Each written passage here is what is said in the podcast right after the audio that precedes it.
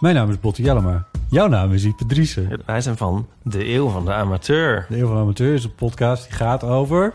Alles. Het is een eh, podcast over levenskwesties die je niet kunt googlen. Een soort licht neurotische blik op het leven. Het is een podcast met humor. Jezus. Kijk, een grapje. Die, die vragen durft te stellen en die je ook onbeantwoord durft te laten. Mooi. met een regenboogvlagje. Dat, dat noem je queerbot. Dat uh, regenboogvlagje, dat klinkt echt als een soort... Eh, ik bedoel, iedereen is welkom. Kom ons luisteren in je favoriete podcast-app.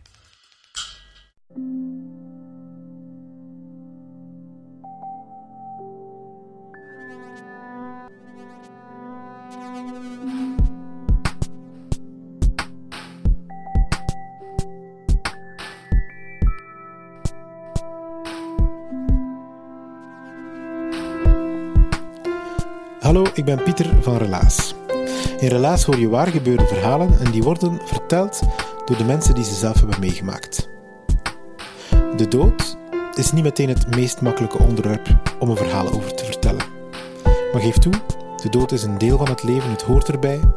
En verhalen vertellen over mensen die er niet meer zijn, is toch een manier om ervoor te zorgen dat die mensen toch nog verder blijven leven. Pieter die heeft in Gent verteld over het verlies van zijn mama.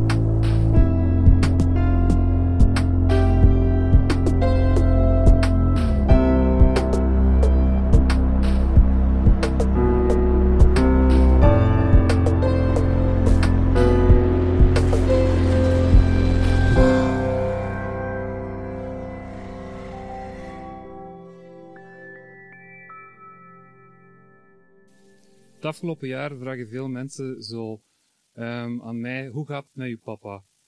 En dan, en hoe gaat het met eh, uw zussen? En dan als derde vraag, hoe gaat het met u?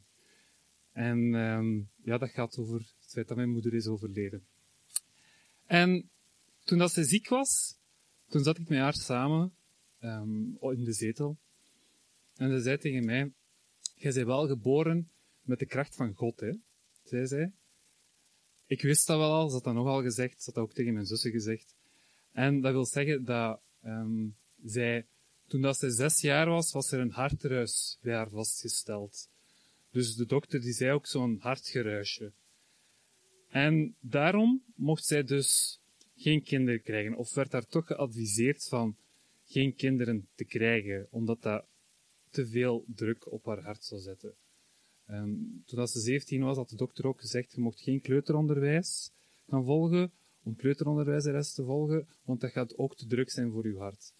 Kleuteronderwijzeres is ze niet gaan doen, maar ze heeft wel beslist om kinderen te krijgen. En het waren er drie. En de eerste, dat was mijn zus, eh, Griet. Zij is geboren op 29, 29 november 1974. En dat was gebeurd met dus die kracht van God, maar ook een beetje met eh, de, de planning van mijn papa. Eh, in die tijd, eh, mijn ouders waren heel gelovig ook. Hè, vandaar dat ze dat ook durven beslissen hebben om kinderen te krijgen, omdat ze ervan overtuigd waren dat het ging lukken. Maar daarnaast was ook mijn papa daar om aan geboorteplanning mee te doen. Ze wilden ook niet direct kinderen, maar ze wilden uiteraard ook wel al seks hebben. Dus eh, mijn papa en mijn mama die wilden geen condoom gebruiken, wilden ook niet de pil gebruiken. Maar mijn papa die kon heel goed de kalender bijhouden van mijn mama. Mijn mama die zei daar ook altijd van, ah ja, ik betrouw daarop op Cyril. Cyril die checkt dat wel voor mij, ik vertrouw daarop. En dat was ook zo, dus we zijn allemaal geboren op een moment dat mijn papa dat gepland heeft. Dus ehm zo was dus mijn zus, eh, Griet, de eerste, 29 november 1974.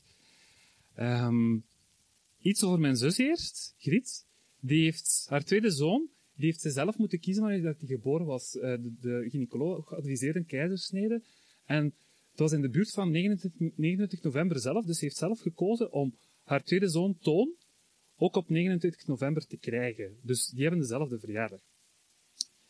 Eh, voor mijn tweede zus Annelies is daar niet zo'n verhaal over. Zij is geboren in 1978, op 2 december, ook in die buurt van 29 november. En ik ben geboren op 18 december 1981. Ehm, over mij is er ook een mini-verhaaltje verbonden. Eh, dat is dat ehm, mijn grootvader, dus de, moeder, eh, de vader van mijn moeder, die is ongeveer een jaar voor mijn geboorte overleden. Mijn moeder had toen dat die... ehm, dit was meer dan een jaar, sorry. Ik was er niet bij, dus ik vergeet soms hoeveel jaar dat, dat was. Het was meer dan een jaar. Dus mijn grootvader is overleden. En twee weken later de moeder van mijn vader. En bij mijn moeder en mijn vader was er op dat moment een wens om zo nog een kind te krijgen. En zo geschiedde, hier sta ik.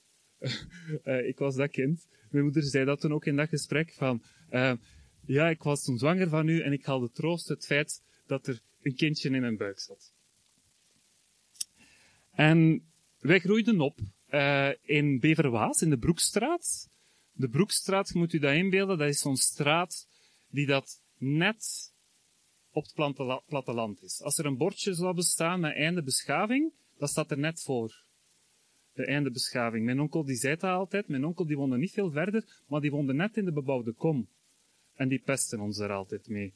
Niet alleen mijn onkel woonde daar, ook nog andere onkels, andere tantes, andere nichten, andere neven. Allemaal binnen zo'n straal van 200 meter had ik zo'n 60 familieleden of zo. Als ik rondwandelde en als ik niet wist wat ik gedaan had de dag ervoor, dan wist iemand anders het wel. Dat is echt verschillende keren gebeurd dat ik thuis kwam en dat ze tegen, mijn moeder tegen mij zei van, ah, je hebt dat gedaan eergisteren. Ik zei van, ah, ja, dat kan. Hoe weet je dat? Ja, die heeft dat gezegd. Ah ja, nu dat je het zegt. Ehm, en eh, zo groeide ik in daarop.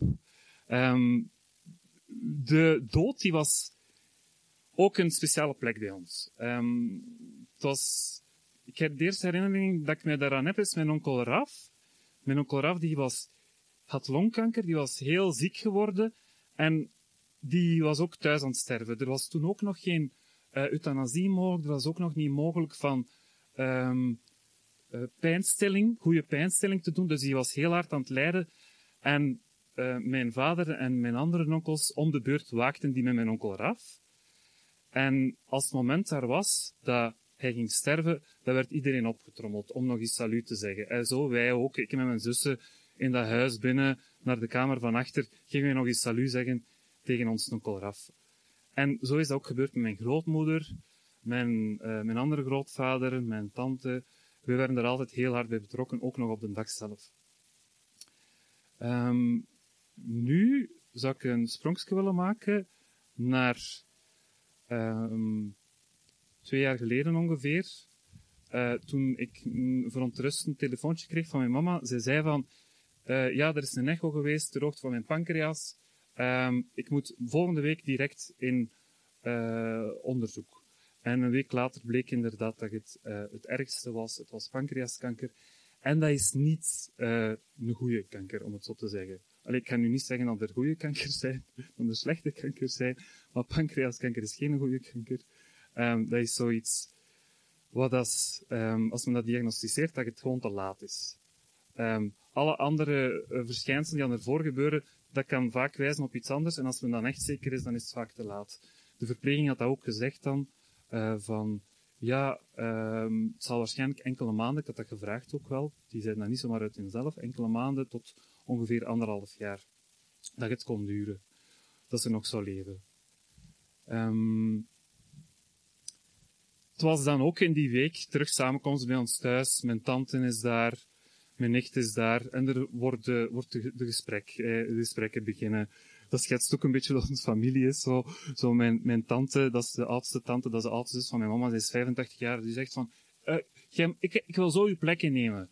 Ik ga uw plek innemen, zegt ze tegen mijn mama. Jij mo, jij mo, ik wil in uw plaats gaan. Maar ja, dat gaat niet natuurlijk. Um, zij zegt ook zo van, ah, zou dat nu waar zijn? Die, uh, die rijstpapjes en die gouden lepeltjes en die, die nemel, of zouden ze dat ons wijs maken? Uh, mijn nicht Hilde die dat zegt van, ah, uh, dan ga je naar de hemel gaan, hè? ga jij bij mij vaken zijn en dan uh, zit je daar, moet u geen zorgen maken. En mijn papa die dat zegt, geen zorgen, alles komt goed. Alles komt altijd goed. Um, ja, dat is een moeilijke tijd. Dat is een moeilijke periode. Um, ik herinner me nog een gesprek met haar dat ik had, dat ik zei tegen haar van, ik ga u missen. Zij zegt op haar beurt van, ik ga u missen.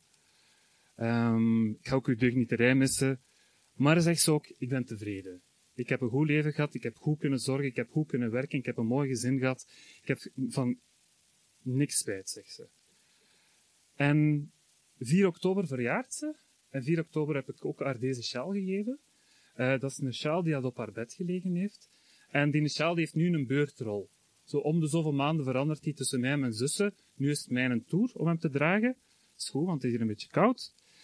Ehm, en die heeft dus op haar bed gelegen totdat ze gestorven is.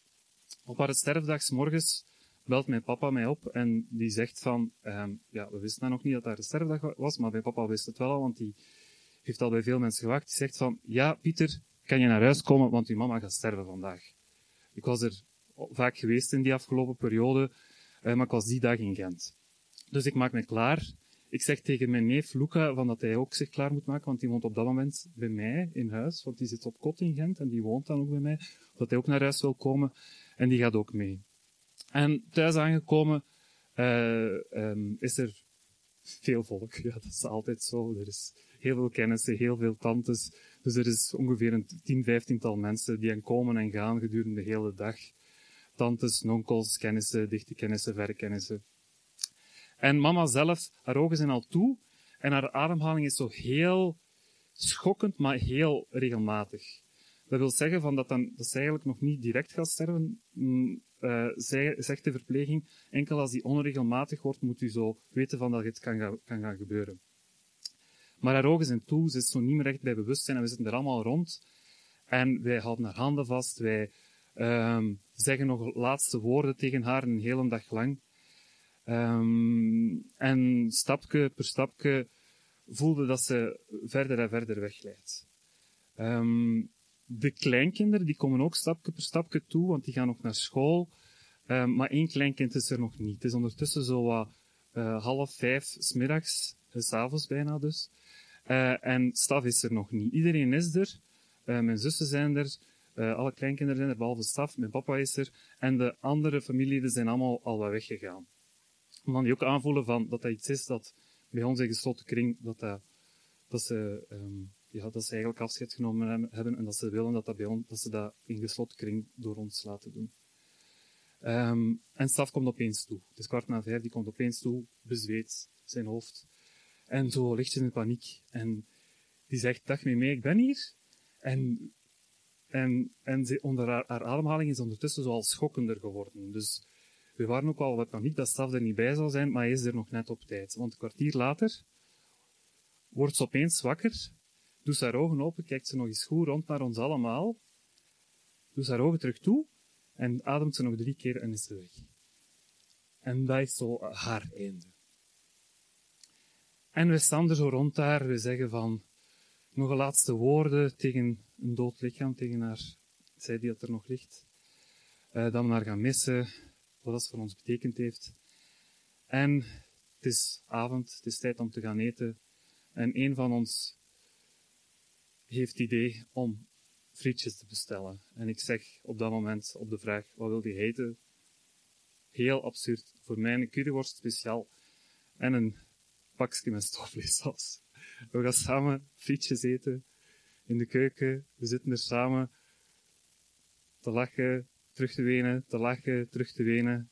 We hebben gegeten, we gaan terug naar dat bed. We gaan nog eens allemaal een herinnering vertellen over wat we aan haar herinner- herinneren. De kleinkinderen zeggen van de chocomelk die je altijd maakte dat we van school kwamen.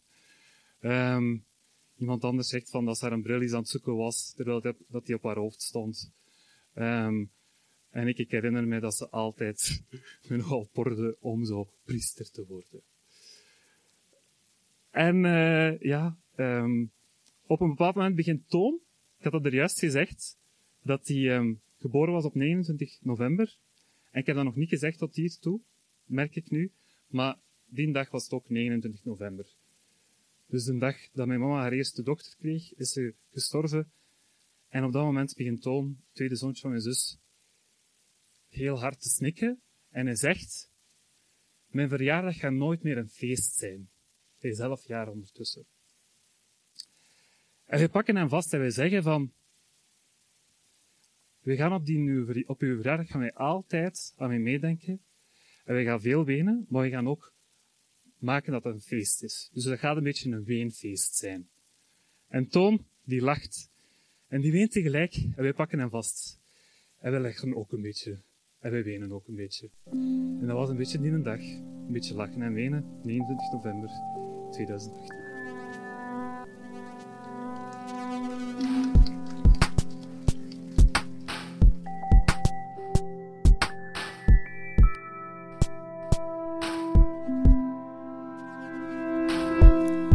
Dat was het relaas van Pieter. Hij heeft het verteld in Gent, tot op het kerkhof van Gentbrugge, op 1 november, tijdens Reveille.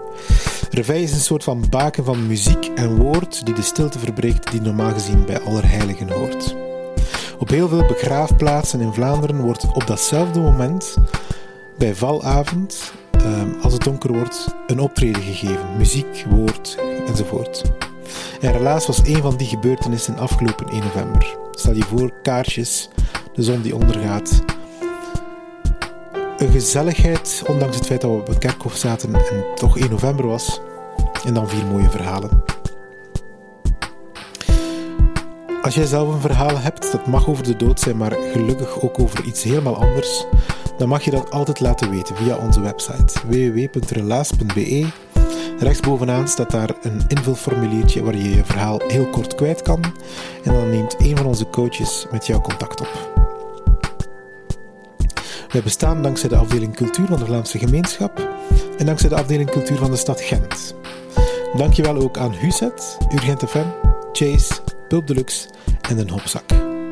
En jullie, dank jullie wel om te blijven luisteren naar onze podcast week na week na week. Blij dat jullie nog altijd fan zijn. Ehm, deel dat fanschap. Stuur dit verhaal door naar iemand aan wie je moest denken toen je het verhaal hoorde. En dan worden wij groter en wordt onze community groter. Dan heb jij die mensen ook een pleziertje gedaan.